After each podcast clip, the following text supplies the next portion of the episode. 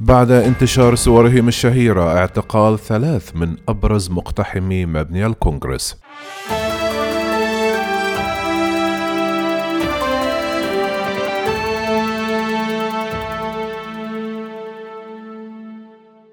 ألقت السلطة الأمريكية القبض على الرجل الذي ظهر في صورة وهو يحمل المنصة الخاصة برئيسة مجلس النواب نانسي بولوسي خلال اقتحام مبنى الكونغرس الأربعاء الماضي.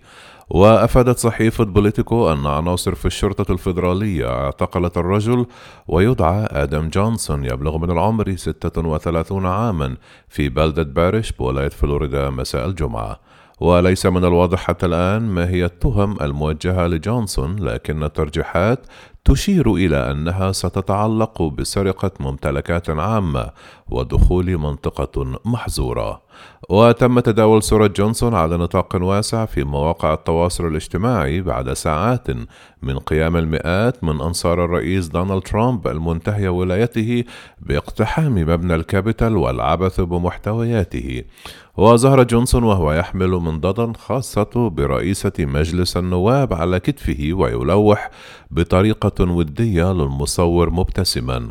وقبل ذلك أكدت وسائل إعلام أمريكية اعتقال شخص آخر ظهر في صورة وهو يضع رجله على مكتب رئيسة مجلس النواب نانسي بيلوسي.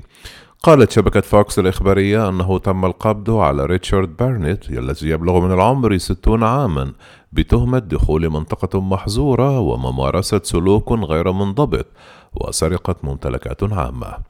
وأضافت أن بارنت سلم نفسه لعملاء مكتب التحقيقات الفيدرالي في حوالي الساعة العاشرة من صباح الجمعة في مقاطعة بنتون وتم نقله إلى سجن فيدرالي حيث من المقرر أن يتم ترحيله إلى العاصمة واشنطن لمحاكمته هناك. كما أوقفت الشرطة السبت جيك أنجلي الشاب الذي استقطب انتباه المصورين خلال اقتحام الكونغرس بوشمه وخوذته ذات القرنين ورمحه.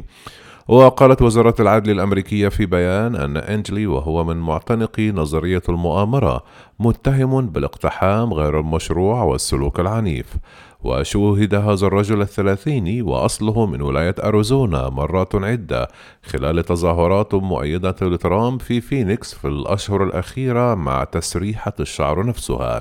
وهو يقدم نفسه على أنه جندي رقمي في كيو آنون الحركة المؤيدة لنظرية المؤامرة التي تعتبر ترامب بطلا وقد اعتبر اقتحام مقر الكونغرس الأربعاء انتصارا كبيرا. أعلنت وزارة العدل الجمعة توجيه تهمة فيدرالية ضد 13 شخصا آخرين من ضمنهم مشروع من ولاية فرجينيا الغربية ويدعى ديريك إيفانس ظهر في مقطع مصور مع أنصار ترامب قبل اقتحام الكونغرس وأثناء دخولهم معهم.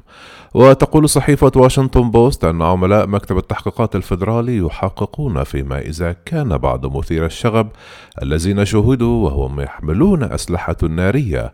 كانوا قد دخلوا مبنى الكابيتال بنية قتل أو أسر أعضاء في الكونغرس.